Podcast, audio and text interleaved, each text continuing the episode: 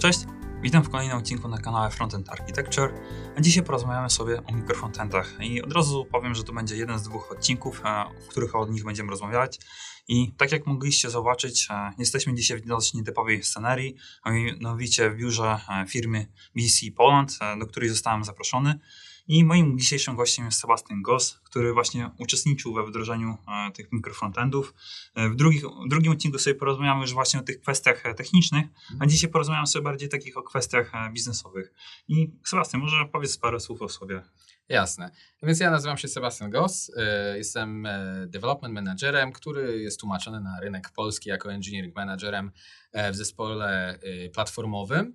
E, jest to korowy zespół e, wdrażający e, platformę mikrofrontendową w naszej firmie, a ta firma zajmuje się tworzeniem rozwiązań dla branży, dla branży bankowej, czyli jesteśmy fintechem.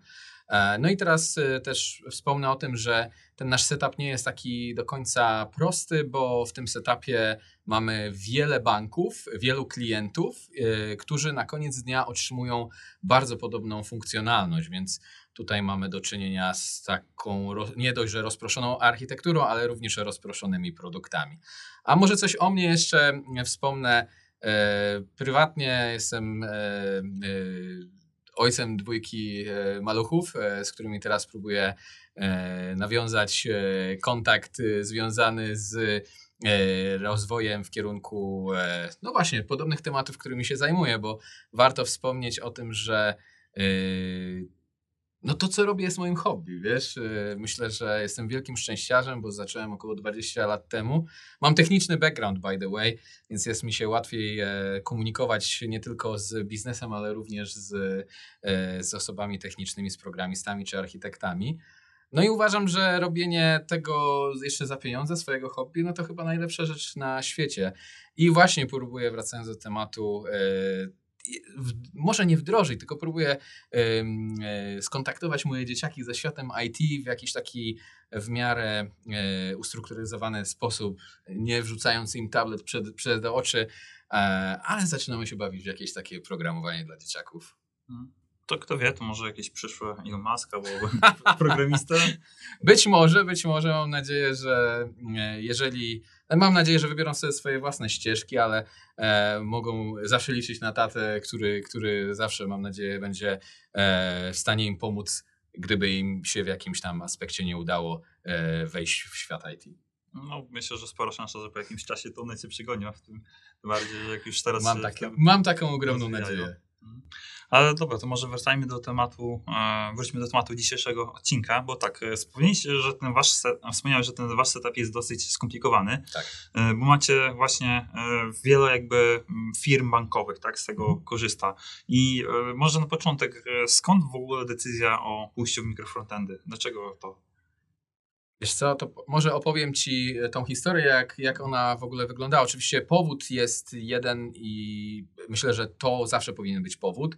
Powodem była decyzja biznesowa. Natomiast y, decyzja biznesowa była taka, że na pewnym etapie nasz development produktu aplikacji webowej i mobilnej podzielił się na kawałki, które potrzebowały utrzymania i na kawałki, które były aktywnie dewelopowane. Jak dobrze wiesz, y, jeżeli mamy taką strukturę SPA czy, czy też y, natywne aplikacje, y, ciężko jest podzielić to na kawałki aktywne, nieaktywne. Trzeba releasować wszystko, nie? E, więc tutaj był jeden, jeden, e, jedna taka, że tak powiem, jeden z powodów był taki, że chcieliśmy e, dać możliwość naszym zespołom dewelopować różne kawałki biznesowe czy różne domeny biznesowe osobno i dać im tą niezależność. Z drugiej strony mieliśmy też taki wymóg, że e, Dania ma dosyć, bo jesteśmy duńską firmą, Dania ma dosyć specyficzny rynek finansowy, gdzie mamy do czynienia z bardzo dużą fragmentacją e, rynku bankowego. To oznacza, że w samej Danii mamy ponad 120 różnych banków, nie oddziałów, ale różnych banków. I te 120 banków chce mieć czasami różne produkty, to nie zawsze jest jeden i ten sam produkt. A znowu też development e, tego samego, załóżmy, tej samej funkcjonalności e, across trzy platformy iOS, Android i web są kosztowne. Więc kolejnym powodem biznesowym było to, że y, doszliśmy do momentu, kiedy wydawanie tego samego feature'a na aplikacje webowe iOS, Android i również dla różnych segmentów biznesowego czy prywatnego e, było bardzo kosztotwórcze. I to był jeden z powodów też, żeby poszukać nie tylko mikrofrontendów, ale również cross-platformowego podejścia.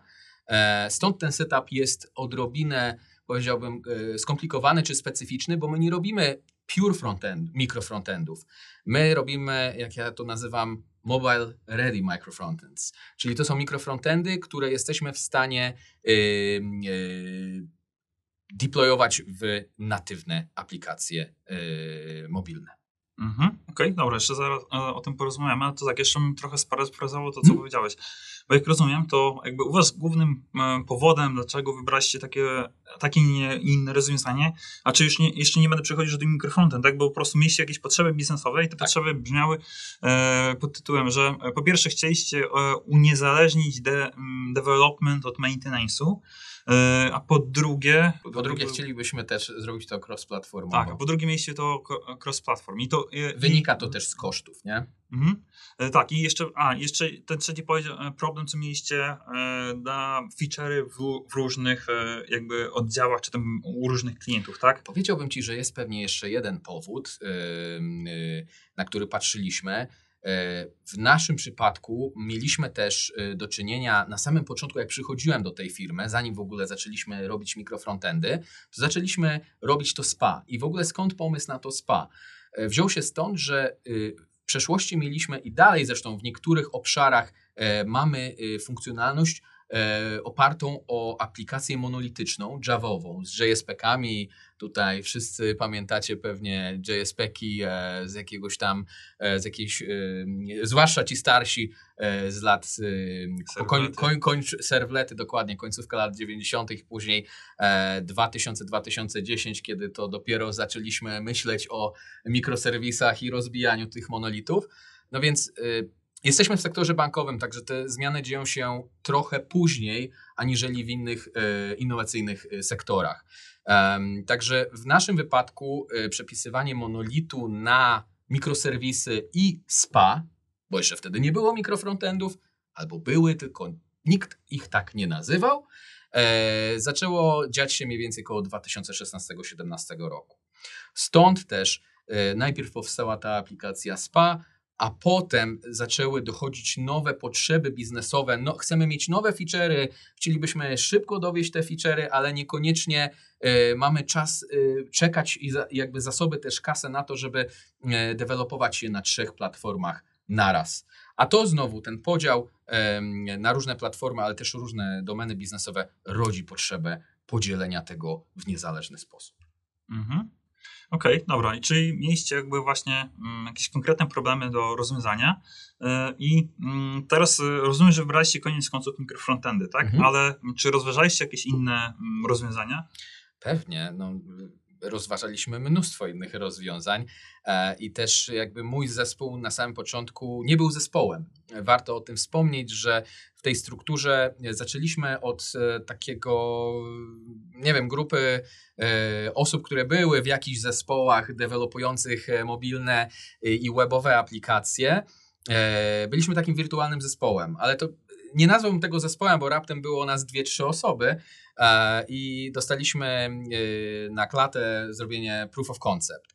I zrobienie tego proof of concept polegało na tym, żeby sprawdzić, co my właściwie, jakie podejście architektoniczne powinniśmy wybrać, co jest dostępnego na rynku, jeżeli chodzi o tule i co będzie pasowało do naszego case'a. Bo myślę, że kluczowym powodem, dlaczego nie zdecydowaliśmy się pójść w React Native, w Flutter, czy dlaczego nie zdecydowaliśmy się e, budować e, osobno dalej tych, tych aplikacji, może zrezygnować z weba, było to, że mieliśmy już istniejący codebase, nie mieliśmy takiej, nie mieliśmy takiej opcji, żeby zbudować to rozwiązanie od nowa. Mhm. Gdybyśmy zbudowa- mieli budować to rozwiązanie od nowa, pewnie wybralibyśmy właśnie Fluttera czy React Native, bo byłoby dużo nam szybciej to budować. Musieliśmy również wziąć pod uwagę kwestie związane z skillami i kompetencjami, które mieliśmy u siebie in-house, ponieważ gdybyśmy zmienili stack technologiczny SPA angularowy na React Native, no jak sami wiemy, wiąże się to z wymianą zespołów albo y, szkoleniem tych zespołów. Przy czym tutaj są różne podejścia. Moja obserwacja jest taka, że oczywiście y, nauka, no każdy kiedyś gdzieś się musi nauczyć na jakimś projekcie. W naszym przypadku są to projekty, które dotykają dwóch milionów użytkowników dziennie. Dlatego pewnie chcielibyśmy, chcieliśmy też uniknąć sytuacji, gdzie mielibyśmy nagle y, senior frontend Angular deweloperów, y, grono totalnych juniorów w React Native budujących te, te, te aplikacje. A dodatkowo kwestia, to o czym wcześniej wspominałem, istniejącego codebase'u i nie mieliśmy tego luxury, czyli nie mieliśmy takich warunków do tego i też budżetu, żeby budować to całkowicie od zera. Więc padł pomysł na to, żeby wybrać y, istniejące już wtedy na rynku rozwiązanie, bo te decyzje podejmowaliśmy około 2-3 lata temu e, i wtedy ku naszemu zdziwieniu, albo nie zdziwieniu, ku naszej radości na rynku e, pojawił się e, Module Federation. Też patrzyliśmy na to, czy warto pójść w kierunku Module Federation, czy zrobić to single SPA, czy może stworzyć jakąś własną bibliotekę do utrzymywania. Natomiast tu po raz kolejny warunki biznesowe i architektura, który, która mówi nam wprost buy before build. Tak? Czyli jeżeli mamy jakieś rozwiązanie na rynku, które jest zbudowane i posiada y, dobrą bazę, y, dobre zaplecze maintenance'owe, to nie budujcie tego sami. Ja wiem, że nie ma nic lepszego, jak dać zadanie programiście i dać mu wolną rękę. Napiszę milion linii kodu. Co jest na, najlepsze y, dla programisty? Pisanie kodu, ale pamiętajcie, że z punktu widzenia biznesu kod i ten fan pisania kodu nie jest najważniejszy. Najważniejsze jest koszt oraz koszt budowy, ale koszt utrzymania tego rozwiązania. Dlatego, jeżeli jesteście w stanie y, outsourcować utrzymanie części swojej platformy na zewnątrz do bardzo znanych dostawców albo pewnych dostawców, to moja rekomendacja jest taka: róbcie to. Mhm. Tak, no bo mm, nawet jeżeli e, napiszę sobie jakieś super bibliotekę, niech ona będzie najlepsza na świecie, tak, e, no ale pra, kiedyś prawdopodobnie odejdę z, z, tego projektu, tak? Czy to będzie za, nie wiem, rok, dwa, czy za pięć, czy za dwadzieścia, tak? Kiedyś odejdę i ktoś to będzie musiał utrzymać. Może tak? firma będzie miała szczęście, albo będzie miała taki mindset, że będzie chciała to upublicznić, zrobić z mhm. tego open source'a i być może to nie, be, nie skończy się aż w tak drastyczny sposób. Ale tak, masz rację, w większości przypadków e, kluczowe osoby opuszczające zespół pozostawiają po sobie dziurę, którą będzie bardzo ciężko zalepić. Tak, no jeżeli ktoś pisał takie rozwiązania od początku, tak, to on zna je od, od podszewki. Później przeszkolenie tych osób na taki sam poziom, no to dużo czasu może zająć. I, Zdecydowanie. I, I, często te osoby mogą być nie na takim samym poziomie, nie? W sensie, żeby być w stanie to tak samo o, rozwijać, bo tam są mm, duże zależności się w takich rozwiązaniach pojawiają, bo na przykład napisać samemu takiego webpack Module Federation, no to jest duże wyzwanie. Tak, poza tym musimy pamiętać o tym, że Plusem tego, że wykorzystujemy istniejące rozwiązania, jest to, że część tych rozwiązań podejmujemy, zwłaszcza w, w, sektorze bankowym, wtedy, kiedy minął już jakiś czas. Czyli te wszystkie błędy wieku dziecinnego już zostały naprawione, albo ktoś je już zauważył i są właśnie na roadmapie w trakcie naprawiania. I myślę, że to jest kolejna bardzo ważna rzecz, którą trzeba brać pod uwagę przy wybieraniu tych tuli. Trzeba patrzeć na to, które z tych tuli E, są obecnie rynkowym standardem. I to nie oznacza, że te tule będą rynkowym standardem za rok, za dwa. No jutro pewnie będą. Musimy też brać pod uwagę to, czy my jesteśmy w stanie znaleźć odpowiednie osoby z odpowiednimi skillami, czy ten tool jest na tyle popularny, że znalezienie programisty po określonej standardowej stawce będzie łatwe. Mhm. Musimy brać wiele aspektów pod uwagę, które być może nie zawsze są tak przyjemne i tak łatwe w pracy zwykłego programisty. Tak, jeszcze tutaj bym dodał, e, w tym konkretnym przypadku, tak, bo jeżeli mówimy o moduł Federation czy jakieś single SPA, no to e, te pomysły, które tam zostały e, zastosowane, no to w tym wypadku zosta, zostaną przetestowane nie tylko przez jedną firmę, tak, a przez po prostu wiele jakichś różnych firm, instytucji i podmiotów i, i oni na podstawie tego feedbacku po prostu będą robili jakieś wszystkie po prostu update'y czy poprawki. I tu muszę, muszę się pochwalić swoim zespołem, bo My znajdujemy w Module Federation czy w Enixie jakieś rzeczy, które nie działają. Albo mamy jakieś pomysły na rzeczy, żeby one mogły działać inaczej. I e, to nie jest tylko otwieranie issuesów na GitHubie. To jest również kontrybucja do, do tych issuesów na GitHubie w Enixie czy w Module Federation. E, I myślę, że to jest bardzo ważne też w kulturze e, organizacyjnej mniejszych, dużych firm, czy nawet pojedynczych konsultantów, żeby w jakiś sposób oddawać to, co bierzemy, zaciągając, robiąc npm install i mając te wszystkie paczki u siebie, oddać to tej społeczności właśnie w taki sposób. Mhm. No, bardzo fajne podejście. A możesz się pochwalić, jakie problemy na przykład e, mieliście i co rozwiązaliście? Wiesz co, mieliśmy, yy, mieliśmy dwa problemy Enixowe i jeden e, problem, problem z Module Federation. I odnośnie problemów Enixowych udało nam się przejść normalnie przez ścieżkę pull requesta, jakby opowiedzenia błędu, y, co, co z nim jest nie tak i, i mamy, że tak powiem, tą kontrybucję w Enixie. Z Module Federation mamy tutaj taki challenge, bo faktycznie chłopaki z Module Federation zwrócili nam uwagę, że to może być kwestia naszej, naszej implementacji, nie? naszej implementacji problemu i, e, no i zastanawiamy się, co z tym zrobić. Czy, czy forkować e, e, Module Federation i utrzymywać tą zmianę po naszej stronie, czy rozwiązać ją powyżej na przykład, nie? Czy rozwiązać ją powyżej Module Federation i jakby w ogóle się tym nie przejmować, nie? Mhm. Okej. Okay. Dobra, a jeszcze tak, wspomniałeś, że mm, mieliście, nie mogliście napisać tej aplikacji od zera. E, mhm. I dlaczego nie mogliście czegoś takiego zrobić? No bo nie mieliśmy kasy, żeby zacząć od początku, nie? Jeżeli masz codebase, który ma grubo ponad 200 tysięcy linii kodu, e, jest napisany w danym frameworku, no czy oczywiście moglibyśmy zacząć, e, zacząć od nowa, od nowa w dużym cudzysłowie i przenieść część tej funkcjonalności ale nie mogliśmy zacząć głównie z powodów e, kasy, ale też e, z powodów. E, znaczy, wszystko na koniec dnia to jest kasa. Mhm. Time to market, dostępność danych feature'ów, to wszystko na koniec jest kwestia kasy. Bo jeżeli powiem Ci na przykład, że klient nie był zainteresowany tym, żeby utrzymywać nową, znaczy istniejącą aplikację i beta aplikację nową, no to utrzymywanie dwóch aplikacji to znowu kończy się mhm. na kosztach, nie? Bo musisz zapłacić za y, infrastrukturę, musisz zapłacić za testy osobne, zespół, zespół i tak dalej. Natomiast myślę, że y, takim osobistym, ogromnym sukcesem y, dla nas było to, że z takiego zespołu pocowego dwóch, trzech osób udało nam się zbudować korowy zespół platformowy, który i ma swoje odzwierciedlenie w strukturze organizacyjnej. Nie jesteśmy grupą gości, którzy, spotyka, którzy spotykają się na brownbagowych sesjach e, po południu i gadają sobie, jakby to można było zbudować i robimy to taką rebelią, tylko faktycznie mamy istniejący e, dziesięcioosobowy zespół, który się tym zajmuje i zdziwię Cię, bo nie mamy tylko frontend deweloperów w tym zespole. Okej, okay, a to dziwne. To jakie kompetencje ma ten zespół?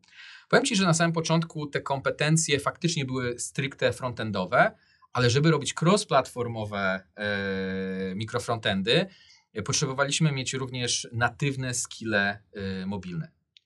Dlaczego powinniśmy mieć natywne skille mobilne? No dlatego, że zdecydowaliśmy się embedować webowy kod do istniejących aplikacji natywnych. To oznacza, że ten zespół jest złożony z kompetencji e, nowo nabytych, ale ma też kompetencje e, i osoby, które są w tej firmie od 20 lat. Dlaczego? Już Ci to tłumaczę. To jest bardzo proste i Wam również e, polecam budować zespoły w taki sposób. E, ilość zaszłości Dlaczego ten kod jest napisany w taki sposób, w inny? Dlaczego łączy się z tym systemem? A dlaczego to API pod spodem wywołuje jeszcze coś innego? Gdybyś miał całkowicie nowy zespół, gdybyśmy poszli w React Native i zatrudnili tylko React Native, e, React Native deweloperów z rynku, to w tym miejscu byśmy polegli. Poleglibyśmy w, w tych wszystkich zaszłościach, w tych wszystkich specyficznych implementacjach tych aplikacji, e, czy webowych, natywnych, czy API, czy jeszcze niżej bazodanowych. Także ta wiedza domenowa, nie tylko y, domenowa biznesowa, ale wiedza odnośnie systemów, które do tej pory były rozwijane, powodów, dla, dla których dany kod działa w ten, a nie w inny sposób, przy również nie powiem, że dołączając do tej firmy ta dokumentacja wszędzie była świetna, ale myślę, że to jest y, pięta achillesowa y, każdej, każdej organizacji, że ta dokumentacja nie wszędzie, nie we wszystkich miejscach zawsze super hula, to to jest myślę bardzo duży challenge.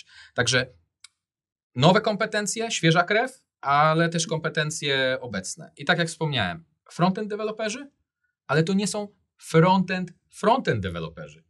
Pamiętajmy o tym, że jak zaczynałem moją karierę 20 lat temu, byłem web deweloperem. I pamiętam, że robiłem PHP, MySQL, y, Apache, byłem w stanie zasetapować serwer, y, byłem w stanie zdeployować rzeczy, byłem w stanie zrobić UI byłem web developerem. Tam nie było frontendu, backendu, tam był web development, nie? E, w dzisiejszych czasach mamy ten podział, gdzie frontend dzieli się przynajmniej na te dwie części, nie? Tą część e, frontend backendową na zasadzie, e, gdzie mówimy tutaj na przykład o produkcji jakichś BFF-ów z użyciem Nest.js-a i tak dalej. Mamy nawet tą warstwę pewnie jakąś taką serwisową, jeżeli tutaj patrzymy na przykład na Angulara, że mamy to osoby pracujące bardziej nad y, logiką komponentów, nad serwisami, nad storem i też osoby, które dla mnie są takimi UI po prostu deweloperami, które dbają o design system, które produkują y, cały praktycznie y, ten user experience użytkownika.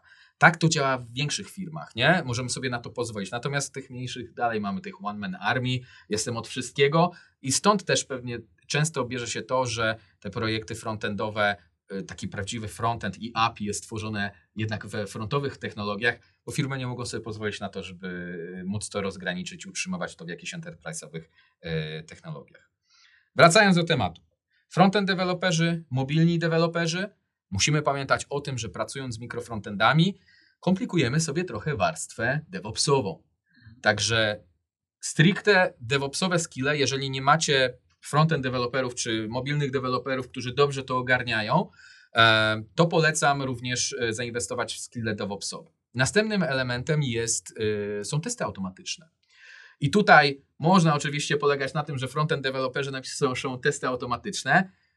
Moje 20-letnie doświadczenie mówi tyle, że będzie dużo kodu, niekoniecznie będą to utrzymywalne testy. Także y, tutaj też trzeba y, albo zdecydować się na profil y, taki z orientacją testową, stricte, albo namaścić któregoś z deweloperów. Ja nie mówię o tym, że testowanie nie jest odpowiedzialnością wspólną, bo jest wspólną odpowiedzialnością, ale jednak musisz mieć jakiegoś lida odnośnie e, testów e, automatycznych. Mhm. Kolejna, przy, przy okazji budowania platformy, myślę, że warto jest mieć w takim korowym zespole UX designera. Myślę, że to jest też dosyć kluczowy skill, zwłaszcza jeżeli ta platforma mikrofrontendowa ma mieć w swojej, w swojej części design system. Czyli coś, co spowoduje, że nagle te mikrofrontendy i moja aplikacja to nie będzie patchwork application, że co ja wchodzę na inną zakładkę, to wygląda inaczej, tylko żeby zunifikować ten user experience. A tym bardziej, jeżeli ten user experience ma być zunifikowany na poziomie weba, i mobilnych aplikacji. Mhm.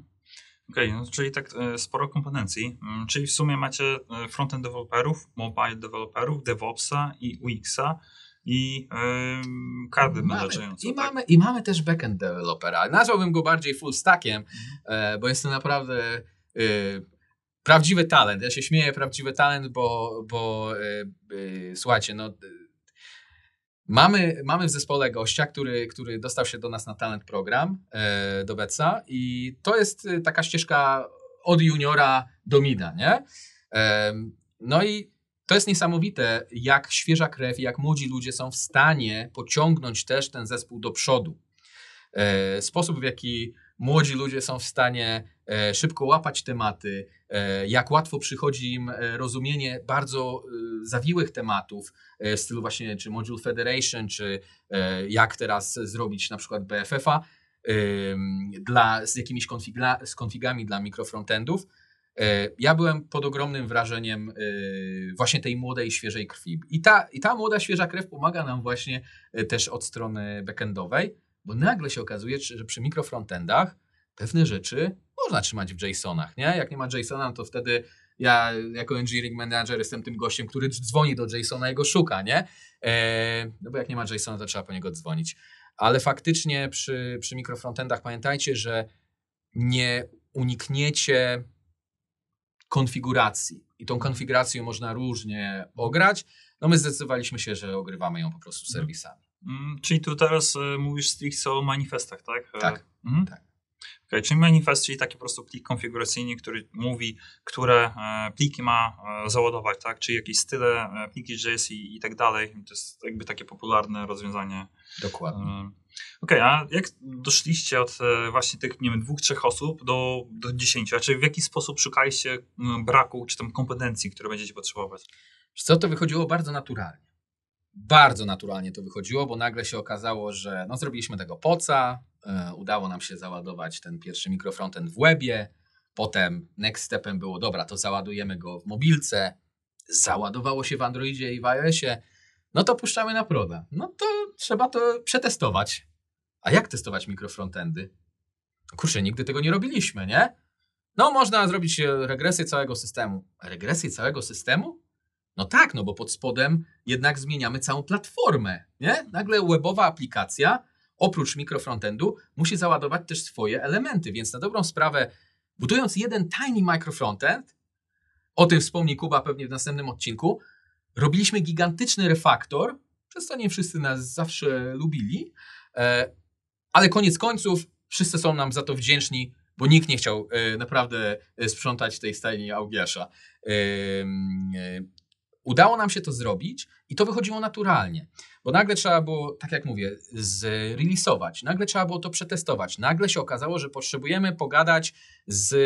I był taki y, okres, kiedy w zespole mieliśmy test quality managera, który tworzył w ogóle strategię, jak testować mikrofrontendy na styku integracji, i, y, jak testować je end-to-end, jakich testów, czy, czy w mikrofrontendach piramida testowania y, będzie działać tak samo, jak działa w każdej, y, w każdej innej architekturze.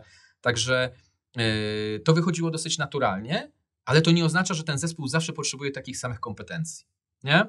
I powiedziałbym, że ja miałem, miałem tą okazję, y, zaczynając ten zespół, być tam deweloperem, architektem, product ownerem engineering, engineering managerem decydującym na samym końcu, y, kto do tego zespołu będzie należał. I myślę, że to, to był ogromny fan i każdemu to polecam, bo y, nagrywałem kiedyś taki podcast, w którym opowiadałem o tym, co, jakby jakie są kolejne challenge dla, dla senior deweloperów oprócz ścieżki architekta.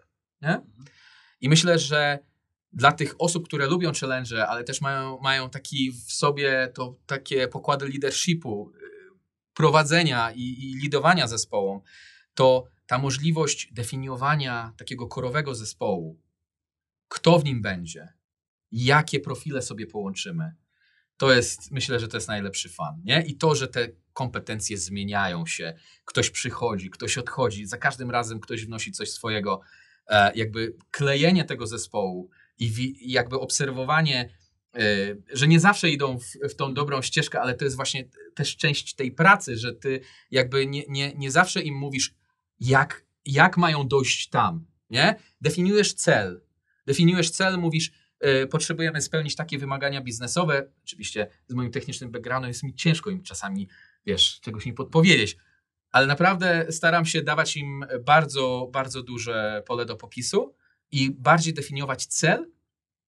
I jak widzę, że po tej ścieżce idą trochę, za, wiesz, niekoniecznie prosto, czasami z zakrętami, no to obserwować, ale nie kontrolować, nie? Dawać im tą, dawać im tą wolną rękę, bo jak sam to nawet przegadywaliśmy z, z architektami e, ze Stanów, z Ionika, mieliśmy jedną pierwszą fir z firm w Europie, która łączyła mikrofrontendy z cross-platformem.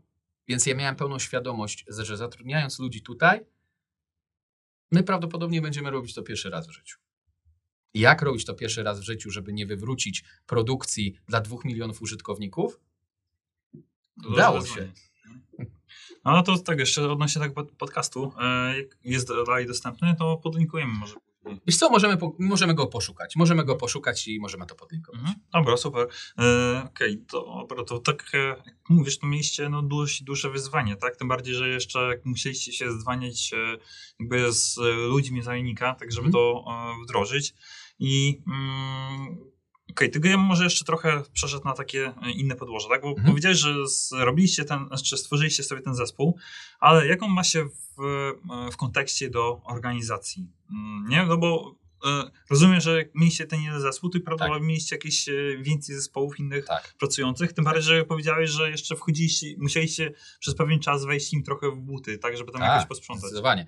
Znaczy, wiesz co, w piku, y, w piku myślę, że mieliśmy około 50 frontend deweloperów. W piku. Mhm. Teraz myślę, że mamy ich w granicach 30-35 osób, nie? które aktywnie pracują na tym e, Nixowym monorepo.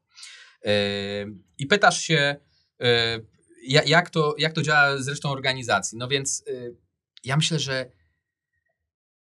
jednym z ważnych, jak i najważniejszym elementem do podjęcia decyzji lecimy z mikrofrontendami, bierzemy te mikrofrontendy na warsztat i, i, i ich próbujemy jako architekturę, jest to, żeby organizacja i struktura organizacji, teraz może mówię jakieś takie niezrozumiałe słowa dla Was, osób technicznych, jeżeli zespoły, składy zespołów, części zespołów, nie wiem, jakieś domeny biznesowe, y, żeby były zorganizowane w taki sposób, w jaki sposób jest zorganizowana y, architektura Waszego rozwiązania. Co to oznacza? Jeżeli potencjalnie mamy aplikację bankową, no to w aplikacji bankowej, jak dobrze wiecie, możecie podejrzeć sobie stan konta, czy mamy jakieś konta, mamy płatności, mamy jakieś inwestycje, kredyty, może jakieś ubezpieczenia, więc macie różne domeny biznesowe. I teraz byłoby super, gdyby przy podejmowaniu decyzji właśnie o, o, o, o podjęciu takiej e, rozproszonej architektury mikrofrontendowej, gdyby wasza organizacja była podzielona dokładnie w taki sposób, jak te domeny biznesowe. Bo w ten sposób będzie wam bardzo łatwo podzielić odpowiedzialności pomiędzy tymi zespołami. Czyli jeden zespół będzie może odpowiadał za kredyty, może trzy zespoły będą odpowiadały za inwestycje, ale dalej w, jedn, w obszarze jednej e, domeny e, biznesowej. I myślę, że to jest bardzo ważne, że, żeby organizacja odpowiadała również architekturze. Nawet jest chyba taki pattern, gdzie e, w drugą stronę, gdzie, organi, że, gdzie struktury organizacyjne firm odpowiadają e, architekturze systemów, czy, czy e, architekturze w ogóle rozwiązań e, firm. A o tym nie słyszałem, ale e, z kolei kiedyś czy, czytałem o case'ie Netflixa, że e, wzięli jednego z tam najbardziej doświadczonych e, inżynierów e, i zapytali, e, to chyba było w kontekście mm, Agile, czy już dokładnie nie pamiętam, nie? ale właśnie on powiedział coś w stylu, że po prostu e, żeby wprowadzić to, co oni chcieli, to organizacja po prostu musi się zmienić, nie? I to jest właśnie taki przypadek, bo jeżeli mm, chcemy wprowadzić mikrofrontendy i teraz sobie podzielimy E, Załóżmy sobie, zrobimy event storming. Z tego event stormingu wyjdą nam jakieś domeny, tak? I teraz e, każdy zespół będzie pracował nad osobną domeną. No to teraz e, no musimy sobie podzielić te po prostu zespoły, tak żeby one nie wchodziły sobie w kompetencje, żeby nie było tak, że e, po prostu jeden zespół na przykład e, pracuje tu nad jednym mikrofrontendem, połową innego i jeszcze połową je- jeszcze innego, tak? Bo po prostu Dokładnie. no, nie da się tym Czy wiesz, zarządzać. Są części wspólne. Zawsze masz tego szerda, Mhm. ale po to moim zdaniem też jest ten korowy zespół, żeby zarządzał tymi sze, sze, szerowalnymi rzeczami. Ja nie mówię, że wszystko, co jest w szerdzie, musi Mhm. być w kompetencjach korowego zespołu, em, ale wydaje mi się, że takie rzeczy jak design system, te UI-owe komponenty, nawigacja, Mhm. y, system routingu, jak jest rozwiązany, y, y, czy też jakiś monitoring i, podpięcie jakichś custom logów, czy też sposoby, utilsy, na przykład w jaki sposób to robić. To powinno moim zdaniem pochodzić z jednego korowego Mhm. miejsca, gdzie te decyzje są podejmowane, bo rozproszenie decyzyjności kończy się zazwyczaj tym, że de- tej decyzji nikt nie podejmie, jak robić to w zunifikowany sposób, a brak unifikacji powoduje bałagan. Y, Tak, zgodzę się. Znaczy tu miałem na myśli stricte taki podział e, biznesowy, tak? Mhm. No bo e, zgodzę się, że musimy mieć tego sharda, e, bo tak jak wspomniałeś, jakiś design system, routing, e, czy jakieś inne elementy, ale teraz jeżeli e, dodatkowo sobie podzielimy zespoły tak, że one e, będą e, wspierały dwie domeny biznesowe, tak, albo kilka, czy na przykład, nie wiem, jedną i półtora, no to teraz one będą musiały też znać jakby całe wszystkie procesy biznesowe, nie? To się wszystko komplikuje. I zrobimy, za- załóżmy w jakiejś innej aplikacji jakąś drobną zmianę, ale nie znamy do końca tego procesu biznesowego i się okaże, że w ogóle y, coś tam wybuchnie przez to. Ale ja ci dam przykład, bo my mieliśmy na samym początku, e, jak tutaj przychodziłem do tej firmy, taki właśnie case, że ta odpowiedzialność była rozproszona. I, i taki przykład naprawdę z życia wzięty. Mieliśmy zespół, który odpowiadał za webową aplikację e, i dewelopował w niej nowe feature'y, ale robił także maintenance tej aplikacji. I mieliśmy domenę biznesową właśnie bankowości inwestycyjnej. I ta domena bankowości inwestycyjnej, ona zamawiała od tego zespołu webowego, pomimo tego, że mieli tam frontend deweloperów i backend deweloperów, ale oni robili inne rzeczy. Zamawiali od tego webowego zespołu ułożonego w strukturze organizacyjnej totalnie gdzieś na drugim końcu feature'y z bankowości inwestycyjnej. Więc jak to się kończyło? Kończyło się to tak, no, że dobrze opisane feature'y, no to dewelopujemy. Kod napisany, dochodzi do testów i nagle wracamy z tymi testami do tej domeny biznesowej z webowego zespołu, który to dewe- dewelopował i nagle się okazuje, że kurtyna w górę, klękajcie narody, a to nie jest zupełnie to, co my chcieliśmy. Albo na przykład w trakcie developmentu mamy jakieś pytania, chcielibyśmy wiedzieć, jak coś działa, no ale macie dobrze opisane już feature'y.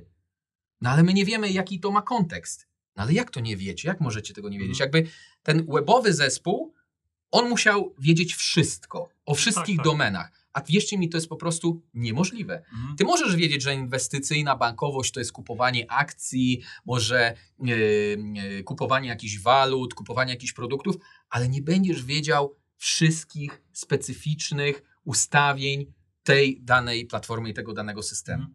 Tak, a dla osób biznesowych często e, oni nie zdają sobie sprawy z ogromną wiedzą, jakie posiadają i dla nich rzeczy oczywiste, tak? Bo nie siedzą w tym, nie wiem, 10, 20, 30 lat i dla nich to są rzeczy oczywiste, tak? Wystarczy dopisać parę rzeczy, bo reszta jest po prostu intuicyjna. Ale później jak ktoś ma to zaim- zaimplementować, to okaże się, że to nie jest in- intuicyjne, tak? I trzeba zadać pytania. I wtedy właśnie, jeśli te zespoły będą rozproszone, tak? To będą wchodziły takie kwiatki, bo albo będzie brak komunikacji, albo po prostu dostarczą coś, co nie powinni. A spróbuj sobie jeszcze to wytłumaczyć w naszym setupie, kiedy mamy ponad 50 banków, które obsługujemy i kilku z tych banków ma jeszcze swoje własne życzenia do feature'a.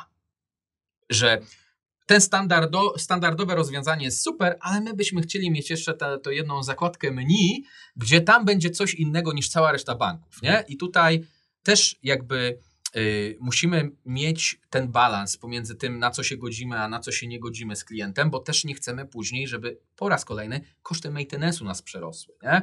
i utrata wiedzy. Tracąc kogoś w zespole, pomimo tego, że możesz mieć świetnie udokumentowany y, system, tracisz jednak też część tej wiedzy. Mhm. E, tak, no bardzo fajne e. I teraz tak, jeszcze może trochę bym podszedł to z innej strony, bo mm, so, wy wyszliście z takiej potrzeby, żeby biznes do was przyszedł i powiedział, że chce konkretny problem, tak? E, też niekoniecznie. mm, czyli co, Znaczy, biznes... co, ja myślę, że z tymi mikrofrontendami to naprawdę był taki, ja nie chcę powiedzieć zbieg okoliczności, ale mieliśmy dużo szczęścia, bo pamiętam, że robiłem w czerwcu, pamiętam chyba po, po JS Poland, kiedy, kiedy widziałem prezentację Manfreda, który nagle Mhm. pokazywał, że NX, DDD i przy okazji Module Federation i można sobie wyde, wy, jakby wygenerować to wszystko na poziomie NX-owego CLI-a i że to tak fajnie wygląda, jest łatwe. To zrodziło we mnie myśl, żeby na forum Enterprise Architektów w Becu zrobić im prezentację o architekturze mikrofrontendowej. I powiem Wam, to było chyba bardzo takie rewolucyjne, yy, rewolucyjne spotkanie, bo yy, znaczy rewolucyjne było z tego punktu widzenia, że oni się dowiedzieli o tej archi- architekturze. Część z nich może gdzieś o tym czytała, ale nie zgłębiła tematu. I pamiętam przez pół roku byłem dosyć zawiedziony, że nie dostałem żadnego feedbacku, że nie dostałem, nikt do mnie nie wrócił, nie powiedział, no fajnie, będziemy to robić, albo weź w ogóle zapomnij gościu o tym, spróbuj sobie może to w innej firmie. Ale po pół roku, akurat się tak składało, że były wakacje, więc wyjazd na wakacje, więc y, jakby nie myślałem też o zmianie roboty i tak dalej. E, po pół roku dostałem info w trochę inny sposób niż bym się spodziewał, bo nagle przyszedł do mnie product manager i powiedział: Słuchaj, no generalnie jest mamy, mamy ten challenge, że y, produkcja tych y, jednego feature'a na trzy platformy kosztuje tyle, zajmuje tyle czasu. Nie jesteśmy w stanie być E, nie jesteśmy w stanie być na równi z innymi bankami czy z innymi dostawcami, jeżeli będziemy dewelopować w ten sposób. Po prostu nie jesteśmy w stanie być konkurencyjni. I oni przyszli do mnie i powiedzieli: Chcemy spróbować zbudować jakieś e, e, jakby jedno rozwiązanie na trzy platformy. I przy tej okazji jeden z enterprise architektów, który był dostępny na tym spotkaniu, jakby puścił do mnie oko i dał mi znać, że yy, wiesz co, wygląda na to, że chcielibyśmy spróbować z tymi mikrofrontendami. I trochę yy, mam takie wrażenie, że nie, nie do końca pożenili te dwie rzeczy, bo nagle okazało się, że robiąc prezentację z mikrofrontów, dostałem na klatę stworzenie zespołu albo robienie najpierw poców, a później stworzenie zespołu, który ma po, pożenić dwie architektury. Pamiętajcie o tym, że cross-platform i mikrofrontendy to są dwa, to są dwie różne architektury. One ze sobą nie współżyją naturalnie. One wymagają stworzenia integracji między nimi, jeżeli chcecie to dalej wykorzystywać. Mhm. E, o tej integracji pewnie już szczegółowo porozmawiam w następnym odcinku.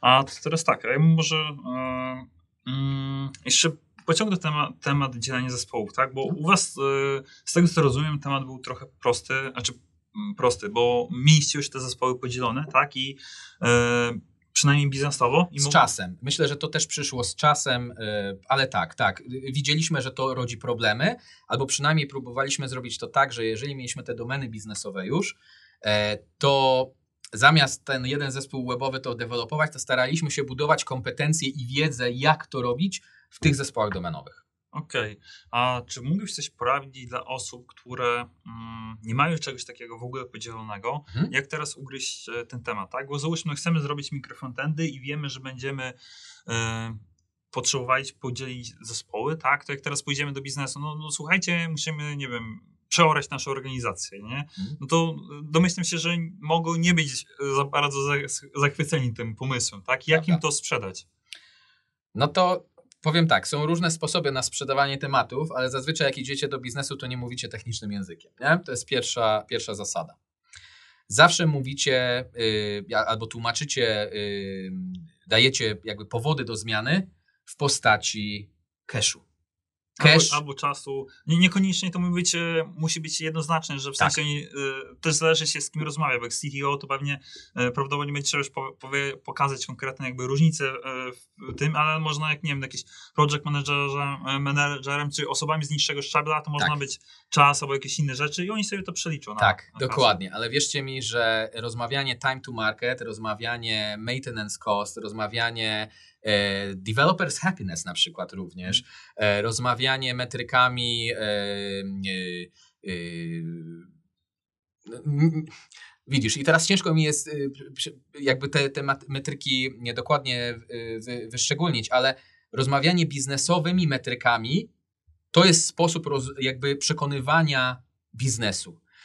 Nie możemy iść do biznesu i powiedzieć, słuchajcie, musimy zrobić ten refaktor, bo kod jest słaby, i, i to się ciężko pisze. Takie programiści są niezadowoleni. Znaczy, developers happiness akurat my braliśmy pod uwagę, okay. nie? E, może nie był on kluczowy, mhm. ale był również y, brany pod uwagę. No i teraz, no, chcemy zrobić refaktor, bo, bo ten kod jest zły i trzeba zrobić refaktor. No dobra, ile to będzie kosztować? No będzie kosztować, e, załóżmy, nie miesiąc pracy deweloperów, zespołu deweloperskiego, testy, do tego e, testy po stronie klienta, bo to też trzeba z klientem zaplanować.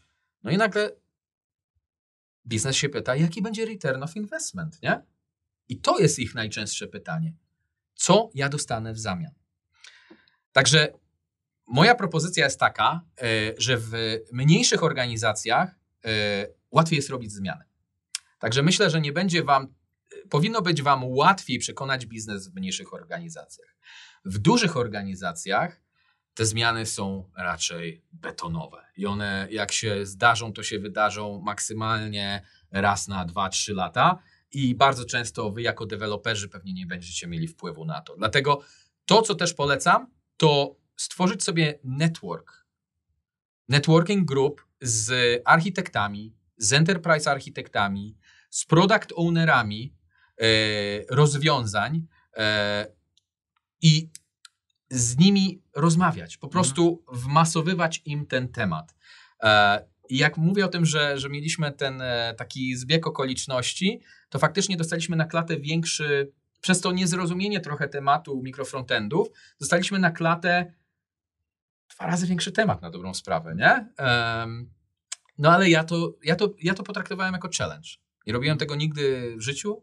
Tak jak Ci mówiłem, rozmawialiśmy z Ionikiem, powiedzieli nam, że jesteśmy jednym z pierwszych w Europie zespołów, który będzie w ogóle coś takiego próbował. Nawet nie to, że wdrażał produkcyjnie, tylko próbował.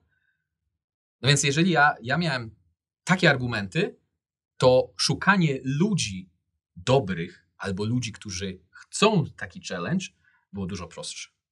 Mhm. No tak, no z technologicznego punktu widzenia to tam będzie dużo fanu, nie? Jeżeli robisz coś jako pierwszy raz i musisz sobie pogłówkować, jak to, jak to zrobić. Y, Ale to, o czym też wspomniałeś, event storming, nie?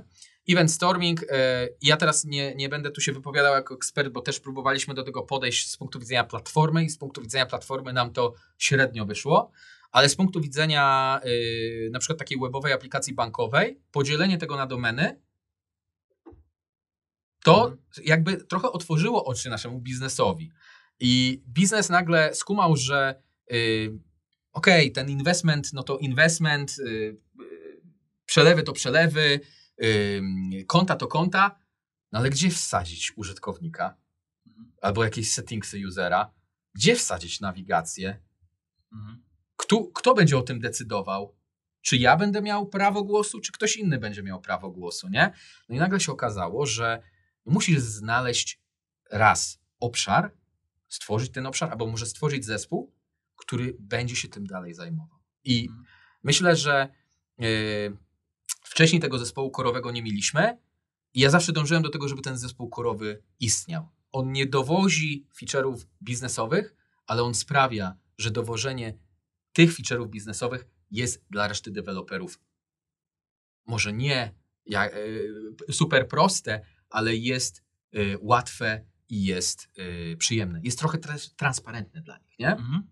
Okej, e, bo tak, jeszcze wcześniej trochę w kularach rozmawialiśmy, e, bo ten zespół, wasz biznes e, korowy, on zajmuje się właśnie nie tylko jakby developmentem, tak, ale on także mm, jakby, mm, no tak w cudzysłowie, szkoli innych, tak, Mhm. E, czy mm, pokazuje jak to wdrażać, tak, i e, czy jeszcze oprócz tego ma, macie jakieś, e, nie wiem, zakresy obowiązków, kompetencje? Tak, tak, tak. Yy, oprócz tego, że szkolimy, no to po pierwsze dostarczamy platformę, Która ma pozwolić deweloperom stworzyć kod w, e, webowy, czyli z wykorzystaniem TypeScriptu, JavaScriptu, CSS-ów, HTML-a stworzyć funkcjonalność webową, która automatycznie, naprawdę w automatyczny sposób jest deployowana również w e, natywnej części, czyli w aplikacji iOS-owo-androidowej. To jest pierwsza rzecz. Drugą rzeczą to, co wspomniałeś, to jest edukacja y, i mentoring i też y, e, to nie jest tylko jakby szkolenie, y, my też y, jakby oprócz samych szkoleń, które, które organizujemy zespołom, które zaczynają wchodzić w mikrofrontendy, bo robimy to też że tak powiem, krokami. Nie robimy nagle tak, że wszystkim mówimy, słuchajcie, robimy mikrofrontendy i teraz wszyscy musicie prze, przepiąć, bo mało jest firm, które nagle definiu, e, próbują zredefiniować i wydevelopować od zera wszystkie domeny biznesowe w swojej apce. No, znajdź mi e, takie firmy, które naraz będą dewelopowały wszystkie zakładki w menu w swojej aplikacji. No, jeżeli są takie firmy, gratuluję e, Wam takich, takich, takich pracodawców, ale zazwyczaj jest tak, że są pojedyncze inicjatywy rozwijające jakieś kawałki, nie? Więc też e, staramy się szkolić w tych Mhm. kawałkach. Bo, bo to jest tak, jakby ktoś próbował całą aplikację na raz przepisać. Nie? Jeżeli ta aplikacja była rozwijana, nie wiem, przez dwa- 10 lat, tak, to yy, najprawdopodobniej zajmie jej przepisanie następne kilka lat. Dokładnie. E, ja powiedziałbym, że oprócz szkoleń takich, wiesz, zrobienia jakiegoś szkolenia, podesłania chłopakom jakiegoś nagrania, czy, czy, czy podesłania dokumentacji, e, czy podesłania jakichś zadań, czy, e, czy, czy takiego takiej nauki poprzez oglądanie i czytanie, my również robimy mentoring i ten mentoring najczęściej działa na poziomie y, code reviewsów. Nie? To jest, myślę, miejsce, w którym y, my uczymy się najwięcej. Ale to też wymaga kultury code review. Y, przez te 20 lat, nie powiem, że zawsze robiłem code reviewsy, ale myślę, że przez ostatnie 10 lat faktycznie pracuję w organizacjach, w których code reviewsy działają, albo próbują działać, albo są. I też kultura y, pracy programistów, ona się zmienia y, z czasem. Um, oczywiście zawsze znajdą się grumpy katy w organizacji, które, które dalej nie chcą robić code reviewsów albo które po prostu e, ten code review robią e, po cichu e, na zasadzie przepuszczając zmiany dalej. Chociaż też wiesz dobrze, że przed tym można się nieźle zabezpieczyć, ale code review jest miejscem, w którym się uczysz. Code review jest miejscem, w którym słyszysz o nowych rzeczach, w których widzisz nowe rzeczy i tak dalej. Ostatnią rzeczą, która jest dla mnie super ważna przy, przy jakby tych kompetencjach, to jest cały governance wokół platformy. Co można, co nie można, dlaczego. Y, ale to nie jest tylko techniczny governance na zasadzie, jeżeli, e, nie wiem, jeżeli e, load time twojej, twojego mikrofrontendu jest większy niż to, no to po prostu go nie pokażemy albo e, wyświetlimy, że mamy jakieś problemy techniczne. Tylko to jest również governance na poziomie nie tylko kodu, ale również na poziomie klienta. Bo nagle nasza platforma ma nie tylko umożliwić innym zespołom w naszej firmie w Becu robienie mikrofrontów, ale uwaga, nagle przychodzą do nas banki i mówią: hej, my też mamy swoje małe działy IT, które chciałyby robić mikrofronty, które wrzucimy w wasze rozwiązanie. I wrócimy, wrzucimy te mikrofronty w nasze rozwiązanie, ale nie tylko webowo, ale również mobilnie w tym wypadku. I ostatni nasz use case jest taki, że też pracujemy z firmami third party, z różnymi startupami, które do nas przychodzą i też chcą zintegrować się z aplikacją webową i mobilną. I to jest też ta część nad którą e, pracujemy. I tu nie tylko integracje z punktu widzenia kodu są ważne, ale tam masz przeróżne umowy związane z utrzymaniem, dotrzymywanie SLA, wszystkie, wszystkie yy, rzeczy związane z operacjami, z maintenance'em tego rozwiązania. No kto za to odpowiada, za, za tą finalną aplikację zintegrowaną? No bo za każdy mikrofrontend to wiadomo. Zresztą też będziesz pewnie z Kubą o tym yy, gadał, że Y, testowanie mikrofrontendu takiego odizolowanego, hermetycznego, no jest, kompetenc- jest w kompetencjach tego zespołu, który to tworzy. Ale kto testuje tą integrację? Mhm. Kto testuje to, że po zalogowaniu widzę landing page czy jakiś dashboard, z dashboarda przechodzę na daną domenę i wchodzę w jakiś dany element, nie? Mhm. No, o tym też trzeba Y, że tak powiem, y, to trzeba też zdefiniować w tym governance e, modelu te odpowiedzialności określonych mhm. części. Ja zresztą dopytam, tak, bo z tego co rozumiem, to mm, jeżeli przychodzi do Was klient, tak, hmm. i na przykład oni by chcieli mieć, załóżmy, przez ich zespół napisać microfrontend, na przykład w aplikacji mobilnej, tak, hmm. to Wy teraz jakby um, możecie im powiedzieć, że tak może, znaczy mówicie im, tak, albo tak możecie to zrobić, e, Wasz jakby zespół za to odpowiada, tak? Czyli Wy mówicie dla klienta, dobra, Wy możecie to zrobić, Wy tego nie możecie zrobić. Tak, jakby dajemy im ten, ten governance model, jest też dokumentem, który określa, ja, jakie rzeczy mogą zrobić, jakich rzeczy zrobić nie mogą, albo inaczej, jakie API udostępnia nasza y, platforma. Nie? Mhm. Y, czyli y, jakie, jaki, jak, jakie metodyki na przykład y, routingu są dozwolone, y, co z punktu widzenia operacji, jakie mamy SLA na dane usługi, y, czy to jest landing page, gdzie generalnie wymagamy większego potencjalnie SLA niż na jakichś mniej odwiedzanych podstronach. On też definiuje odpowiedzialności związane z testowaniem, kto testuje jakie części. Co, technologię? Co, co robimy? Też, też. Powiem Ci szczerze, że też, bo jak dobrze wiecie, mikrofrontendy pozwalają być e, e, framework agnostic, nie? Mhm. Czyli po polsku możemy używać technologii, jakie chcemy, e, frameworków, jakie chcemy i możemy mieć ich wiele. No i super. I teraz jeszcze raz, sorry za angielski, jak to jest, jest taki cytat: With the great power comes great responsibility. No i musicie być tego świadomi, że jak do, pozwolicie, jak otworzycie tą platformę całkowicie na tak zwany dziki zachód, to skończy się tym, że będziecie mieli 10 mikrofrontendów, każdy mikrofrontend napisany w innym frameworku, w innej wersji frameworka i skończy się tym, że będziemy mieli właśnie mikrofrontend w Angularze 7, mikrofrontend w Angularze 10, a jak dobrze wiecie, Angular poniżej wersji 12, e, e, czy powyżej wersji 12 nie wspiera już na przykład Internet Explorera 12, który jest jeszcze w niektórych y, systemach czasami gdzieś tam y, wymagany, albo chociaż tryb y, IE, IE jest wymagany w Edge'u. Także to rodzi różnego, problemu, różnego, różnego rodzaju problemy. To nie są tylko problemy związane z tym, że Module Federation nagle będzie musiał załadować przeróżne wersje Angulara, Vue, Reacta czy innych, czy innych frameworków, ale to też będzie miało gigantyczny wpływ na ekosystem. Bo nagle w enterprise'owych, y, w dużych rozwiązaniach y, my również musimy wziąć pod uwagę utrzymywalność. I teraz, jeżeli oczywiście każdy może sobie utrzymywać swoją część, ale wyobraź sobie, że któryś z tych mikrofrontendów, y, któryś z tych zespołów przestaje, przestaje się odzywać. Coś nie działa. I co w takim wypadku? Po to właśnie mamy ten governance model i podpisujemy różnego y, typu umowy z dostawcami, po to, żeby móc zabezpieczyć się na taki wypadek. I teraz, co robić? Czy w takim razie zalokować się na jedną wersję Angulara, Reacta, Vue.js czy jakiegokolwiek innego frameworku? Na początek polecam, bo to przesunie w czasie problemy, które będziecie mieli na samym początku. Będzie Wam dużo łatwiej zaimplementować mikrofrontendy w jakimś działającym setupie i poznać ich zady i walety, jak ja to mówię. Wiedzieć, co działa w Waszym setupie, co nie działa w Waszym setupie. Dokładanie sobie dodatkowych problemów czy challenge związanych z mikrofrontendami na dzień dobry, myślę, że jest największym problemem e, mało doświadczonych architektów. Mhm.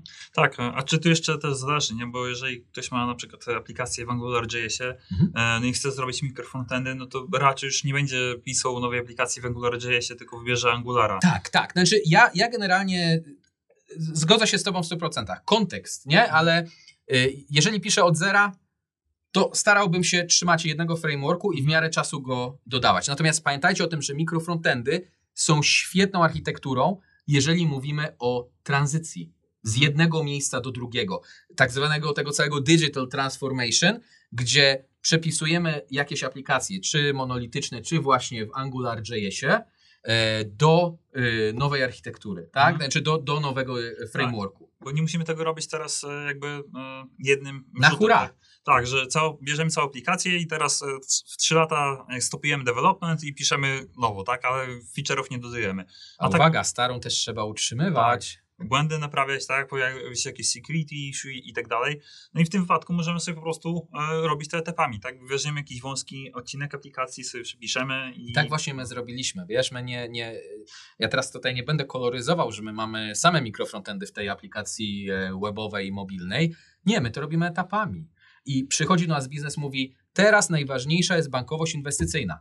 Dobra, bierzemy bankowość inwestycyjną, wykrajamy ją, robimy duży refaktor, I jesteśmy w stanie to, ten kawałek wydevelopować, yy, wydevelopować w nim nowe feature'y, być może zmodernizować ten kawałek i deployować go niezależnie jako nowy mikrofrontend. Mhm. Co nie oznacza, że reszta tej aplikacji SPA yy, jest już pokrojona na mikrofrontendy, ale to się wydarzy z czasem. Mhm. Nie?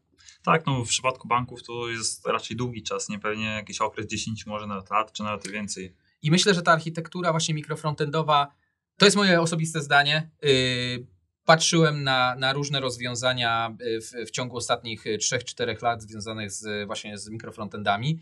I najczęstsza moja obserwacja jest taka, że na mikrofrontendy był trend. Mhm. I myślę, że dalej jest trochę ten trend, chociaż teraz, jak popatrzycie sobie na duże konferencje, wjeżdża duży trend na SSR. Mhm. Trendy mijają a potem zostaje się z tą architekturą na wiele, wiele lat. Tak, bo żeby nie popełnić tego błędu, co e, backend kiedyś miał, jak wchodziły mikroserwisy, tak? Się wszyscy rzucali na te mikroserwisy, a później jest problem pod tytułem, no dobra, ale e, moje dwa mikroserwisy muszą się skomunikować. Jak ja mam to zrobić, nie? I Dokładnie. żeby nie robić sobie po prostu więcej problemów, bo z każdym jakby, każde rozwiązanie ma swoje plusy i minusy, no i po prostu trzeba wybrać takie, które e, ma mniej wad, a więcej zalet. W większości przypadków duże projekty to jest miejsce na mikrofronty. Mhm. Bo mikrofronty y, rodzą tą potrzebę niezależności zespołów. Mhm, A niezależność zespołów oznacza, że masz więcej niż jeden zespół. mhm, tak. Także jeżeli jesteś one man army i teraz słuchasz tego, tego podcastu, tego vloga, to może to nie, może mikrofrontendy nie są dokładnie y, tą architekturą, z którą powinieneś y, podążać. Natomiast warto jest znać jej wady i zalety. A to pozwoli ci pewnie y, próba y, zrobienia jakiegoś własnego poca, y, gdzie generalnie na, na rynku są już ustabilizowane tule do, do robienia takich poców. Mhm. A jeżeli chcecie posłuchać o tym więcej, to nagrałem także odcinek z Marcinem Milewiczem, gdzie właśnie mówimy o czynnikach, dla których powinno się e, wybrać takie rozwiązania. E, Zostanie tutaj podlinkowany. A jeszcze wracając, bym dopytał o ten zespół korowy, bo w waszym przypadku on się sprawdza, tak? A czy, soj, e, czy on zawsze będzie potrzebny i czy na, jakich, na jakiej podstawie zdecydować, czy, czy ten zespół jest potrzebny bądź nie? Powiem Ci tak, y, w tym momencie, jeżeli chodzi o feature'y, które do nas przychodzą, znaczy myślę, że czy ten zespół będzie zawsze potrzebny? Może odpowiem najpierw na to pytanie. Czy ten zespół będzie zawsze potrzebny? Będzie potrzebny, dopóki deweloperzy nie będą, będą do Ciebie wracali z zapytaniami o nowe feature'y.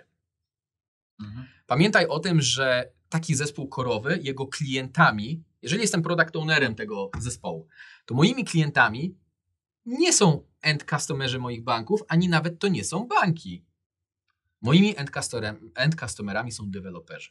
Mm, A bardziej precyzyjnie inne zespoły. Dokładnie. I o tym trzeba pamiętać, że my jesteśmy takim trochę internalowym zespołem, takim trochę zespołem w tej piwnicy na minus jeden, Mhm. nie? który y, jakby jego pracy naocznie nie widać.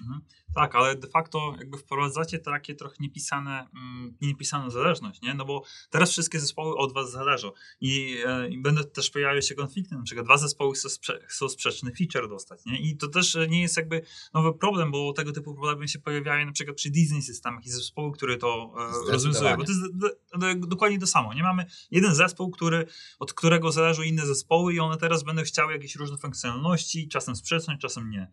Zdecydowanie. Dlatego w czasie, kiedy ta platforma się rozwija, kiedy jeszcze macie świadomość tego, że nie zaadresowaliście jakichś tematów, kiedy widzicie, że wasza roadmapa, którą produkujecie, bo oprócz takich przychodzących zgłoszeń, czytaj w dużych organizacjach, ticketów, e, pojawiają się e, również wymagania biznesowe. Jeżeli pojawiają się wy- wymagania biznesowe i z wymagań biznesowych, feature'ów biznesowych, wy już widzicie, że ta platforma sobie z tym nie poradzi, to jest Wam łatwo też zbudować roadmapę. Jeżeli ta roadmapa jest dłuższa niż jeden kwartał, no to wtedy widzicie, czy ja po, dalej potrzebuję mieć, nie wiem, jeden zespół, może będę potrzebował mieć dwa zespoły jednak. Może jednak ta platforma będzie miała taki pik, że w pewnym momencie będziemy musieli pożyczyć deweloperów z innych zespołów, żeby pomogli nam ją dewelopować. Także patrzyłbym na cykl życia y, tego produktu, którym jest platforma. Natomiast czy jest potrzebna? Moim zdaniem jest potrzebna, dopóki biznes i architektura nie podejmą decyzji, że wychodzimy z tej architektury. Mhm. Dlaczego? Bo ta platforma nawet dan nigdy nie jest dan. To tak samo jak design system. Mówi się, a dobra, no weźmiemy sobie material design i już mamy design system, wszystko jest super skończone. No nie. Bo nagle się okazuje, że te designy, one się zmieniają. Tam się zmieniają malutkie rzeczy. Raz na kilka lat zmienia się cały design, tak jak robił to mBank na przykład, czy teraz jak material design z, z dwójki wskakuje na trójkę, będą rewolucyjne zmiany. Ale te małe zmiany, no, one się dzieją cały czas. Co to oznacza? Jeżeli nawet skończycie ten produkt, tak wam się wydaje, że go skończyliście, to dalej ktoś będzie potrzebny do maintenance'u. W naszym wypadku, ze względu na to, że robimy cross-platform, dalej ta platforma będzie musiała być update'owana o na przykład nowe wersje frameworków, czy, czy nowego iOS-a, czy Androida. Tak? Od tego nie uciekniemy. E, Czy będziemy potrzebowali do końca świata tego zespołu? Myślę, że nie. Czy będziemy potrzebowali w najbliższych latach takiej ilości ludzi? Po roadmapie w tym momencie widzę, że tak. Natomiast to nie w każdej organizacji tak musi wyglądać. Mhm. Okej. mm, No ciekawie, tak powiem. A mm, może trochę z innej strony. No. E, jakie problemy mieliście, czy mieliście i jakie e, właśnie jakieś problemy przy wdrażaniu tego? Mm, Ogólnie tego rozwiązania, tylko Mhm. może nie takie mm, stricte techniczne, bo oni pewnie porozmawiamy sobie z Kubo, Mhm. ale takie bardziej na zasadzie organizacyjno-biznesowe. Myślę, że jednym z głównych y, problemów było y, wytłumaczenie biznesowi, po co jest ten zespół. Nie? Mhm. Dlaczego warto jest mieć osobny zespół i wa- warto za niego płacić. Mhm. A jak rozwiązaliście to? A czy w jaki sposób udało im To, się... to co mu- mówiliśmy wcześniej, e, rozmowa jakby. Pamiętam, że przy, przygotowaliśmy z chłopakami e, e, te, te, bardziej taką techniczną e, dokumentację, dlaczego powinniśmy to robić. No i e, dobrze, że mieliśmy e, bardzo ogarniętego dyrektora, któremu robiliśmy taki e, dry run. E, Przed pokazywaniem tego e, całemu, e, całej, całej jakby osobom decyzyjnym, które podejmowały decyzje. No i to nas uratowało, nie? Mieliśmy łącznie może dwa dni na to, żeby Że w sensie- zmienić to na PowerPointową prezentację mówiącą językiem biznesowym, a nie metryki y, wzięte z architektury, nie? Mhm. Więc y, myślę, że to był jeden z takich grubych challenge'y i ten challenge dalej mamy. Edukacja biznesu, po co to jest? Po co mi te mikrofrontendy? Druga kwestia, y, słownik. Słownik pojęć. Biznes rozmawia też innym językiem aniżeli, yy, aniżeli development. I ja tu nie mówię o tym, dlaczego mamy robić ten zespół, tylko już mówię tutaj w kwestii rozwiązywania takich day-to-day e, challenge. Czyli, nie wiem, przychodzi do nas jakiś product owner, mówi, no, że zespół, mówi, chcemy zrobić ten feature biznesowy. My mówimy, no dobra, to musimy zrobić taki i taki jeszcze feature w platformie i go udostępnić. Tworzymy ten feature, wysyłamy go y, do, y, do, do drugiego product ownera tego biznesowego, żeby miał świadomość, że to jest ta, to jest ta zależność, dependency, którą musimy dla nich wyprodukować. No i on nie, nie ma zupełnie pojęcia, co to jest. Po co mi to? Dlaczego tu jest dodatkowe ileś story pointów, które musicie zrealizować, żebym ja mógł to zbudować? To zrealizowaliście ten mikrofrontend ym, i tą platformę na produkcję, to ja myślałem, że to już jest gotowe. Nie jakby edukacja biznesu, że to jest ongoing work, że my robimy evolutionary architecture, który bardzo Wam polecam, bo biznes będzie w stanie szybko czerpać, ym, czerpać yy, wartość z dostarczanych przez Was niewidocznych yy, feature'ów. Mhm. Czyli jeszcze bym tak sparafrazował, czyli e, tak zależne, znaczy tłumaczenie e, dla tego biznesu na tej, samej, na, na tej samej górze, tak? A czyli to jest jedno, a drugie to jest tłumaczenie, bo jak rozumiem, tu był taki problem, że e, inne business unity, one nie wiedziały, że teraz będą zależnością jakby od was, tak? I, i, i że e, musicie im coś dostarczyć i to będzie tyle i tyle kosztowało. Dokładnie, dokładnie. Znaczy, my też mieliśmy, e, też, też mieliśmy to e, zaplanowane, że ta edukacja będzie musiała nastąpić.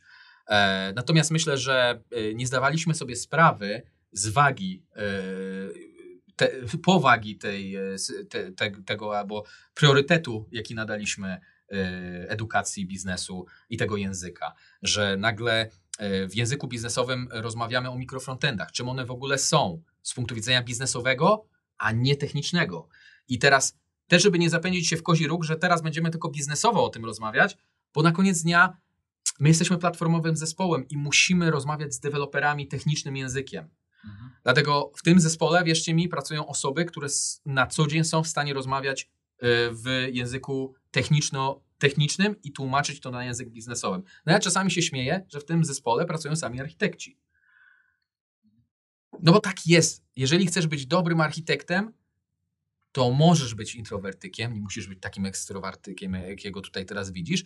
Możesz być tym introwertykiem, ale musisz potrafić przetłumaczyć język techniczny na język Mhm. biznesowy. Tak, a czy trzeba się nauczyć rozmawiać z różnymi osobami na różnym poziomie szczegółowości i wiedzieć, e, dla, dla kogo, powiedzmy, do jakiego poziomu zejść, bo on, on po prostu dla niego nie jest e, potrzebny aż mówić o zbyt szczegółach, on chce na przykład e, znać, ile to będzie kosztowało, na kiedy to będzie. E, no i z różnymi osobami po prostu się porozmawia z, w różnym jakby mm, na różnym poziomie, tak? Bo Nawet z architektem inaczej- technicznymi osobami zupełnie inaczej się rozmawia, kiedy rozmawiasz z backend deweloperami, Mhm. którzy są po prostu ciekawi, czym są te mikrofrontendy i co to rodzi dla nich, bo nagle się okazuje, że chcemy jakieś BFF-y budować. Mhm. What for? Why? Tak, przecież backend. nie? Przecież mamy już API zbudowane, to co wy jeszcze chcecie, nie? Mhm. E, Ale nagle okazuje się, że, że wertykale BFF-u z, z mikrofrontendami działają dużo lepiej, aniżeli odpytywanie jakichś domenowych API, e, Mhm. bo nagle na froncie mamy dużo mniej logiki, e, która zawsze, znaczy im, im bardziej multiplikujesz logikę, no, na koniec dnia tym masz więcej maintenance'u, więcej problemów i więcej e, kosztów. Mhm. That's it. E, A jak to jest e, z tymi e, waszymi zespołami? One są podzielone i backendowo, i frontendowo w ramach jednej domeny? Tak, generalnie dążymy do tego, żeby mieć cross-funkcjonalne zespoły. Nie? Mhm. Dążymy do tego, żeby. Yy, to Kuba pewnie też będzie o tym wspominał, że, że mamy jakieś zespoły, które są bardziej frontendowe, ale jednak zawsze staramy się, żeby były te cross-funkcjonalne skille wewnątrz. Co to oznacza? W naszym wypadku to, to jest frontend, czyli TypeScript na, na, na froncie. E, Na backendzie mamy enterprise'ową Java, e, także tutaj e, nie mamy, nie mamy takich fancy niestety frameworków frontendowych, ale tutaj znowu security, tutaj znowu też narzut trochę. To nie jest tylko kwestia security, stabil, stabilności, ale również narzut tego, że wiesz, jeszcze 10 lat temu aplikacje były tu pisane w JSP-kach i w Javie, nie? Także mamy też mnóstwo Java deweloperów, którzy nagle nauczyli się robić mikroserwisy, no ale ten skok w TypeScripta to jest pewnie dla nich czasami zbyt duży skok y, y, y, technologiczny. No i mamy również y, czy bazodanowców, czy właśnie DevOpsów, czy designerów, którzy nagle w świecie y, 10 lat temu jeszcze totalnie javowym, no ci UX designerzy to po co oni tu są? Przecież Mhm. my jako deweloperzy, my to najlepiej zaprojektujemy, nie? Także jakby ta świadomość e, tych skilli jest, jest, jest, jest e, e, znaczy trzeba edukować pod względem tego, że te skille będą ci potrzebne, nie? Mhm. No tak, no teraz development się jakby mm, specjalizuje, tak? Nie ciężko być, tak jak kiedyś, jak, jak wspomniałeś, tak? Kiedyś było się web developerem, się robiło wszystko, no teraz jest po prostu tyle tych specjalizacji, że nawet na frontendzie jest po prostu kilka, bo ktoś się bardziej interesuje architekturą, ktoś Mhm. to warstwą bardziej taką wizualną, ktoś jakimiś bardziej technikaliami, na przykład performancem i, i tak dalej, nie? Już nie wspominając o backendzie, gdzie tam też są osobne specjalizacje i tak dalej. I myślę, że wiesz, jak, jeżeli popatrzymy sobie na te trendy, to ta jakby dzielenie się na co, ta specjalizacja, ona nie tylko następuje w kwestii skilli, ale ona również będzie następowała w kwestii aplikacji. Popatrzmy sobie na rynek i na trendy, nie? Dlaczego o tym mówię? Bo myślę, że ta architektura mikrofrontendowa, ona jest w przypadku potrzeby podzielenia systemu i być może odpalania go jako osobne aplikacje, czego mamy teraz y, przykład na rynku, bo nagle mBank ma osobną apkę do y, inwestycji. e, Banki w Europie Zachodniej już, już zaczęły widzieć też tą, ten trend, y, że mamy osobną apkę do robienia przelewów, osobną apkę, która analizuje nasze koszty. I to nie są zewnętrzne startupy, tylko to nagle są aplikacje bankowe. Czyli ta może nie tyle co specjalizacja, co dzielenie się na coraz to bardziej wyspecjalizowane domeny, to może być też y, dobry argument do tego, żeby pójść w te mikrofrontendy, bo na koniec dnia, akurat na naszym przykładzie, no będziemy, będziemy małym kosztem w stanie wyprodukować y, na podstawie tych webowych y, mikrofrontendów osobne aplikacje mobilne. Mhm. No, fajne, znaczy taka, mm, jak to, jakby to nazwać, e, fajna wizja. Tak? Mi się podoba. E, I mm, jeszcze się zastanawiam. Myślę, że chyba wszystko, co chciałem się zapytać, więc Sebastian, dziękuję Ci za rozmowę. E, Dzięki, że zaprosiliście mnie do siebie, do studia. Mm, Może jeszcze jest coś, co chciałbyś, nie wiem, dodać, o czym nie, nie wspomnieliśmy? Wiesz co, myślę, myślę że na ten moment mam jedną rzecz, e, o której chciałbym wspomnieć. E, to ja chciałbym Tobie też podziękować za to, że wpadłeś do nas i no generalnie co, no słuchajcie, no ja mogę tylko polecić e, kanał e, Marcina. E, Poza tym Marcin też występuje na różnych prezentacjach, także, przepraszam, różnych konferencjach. I na przykład ostatnie twoje na, nagrania z TypeScriptowego meetupu myślę, że są bardzo fajne i warto, warto na nie zajrzeć. E, Dlatego no, chciałem Ci również podziękować e, za, za to, że do nas wpadłeś. Jest mi bardzo miło, że moglibyśmy, mogliśmy być e, częścią Twojego podcastu i vloga. Mhm. No i tak jak e, wspomniałem, e, podlinkujemy jeszcze także Twój odcinek e, na sam koniec. A jeżeli jesteście zainteresowani, coś było niejasne, chcielibyście o coś dopytać, to śmiało zadawajcie pytania w komentarzach. Czy to ja, myślę, że Sebastian również z chęcią odpowiemy na nie. No i jeżeli się podobało, dajcie kciuk w górę i do zobaczenia następnym razem. Do Cześć. zobaczenia, cześć.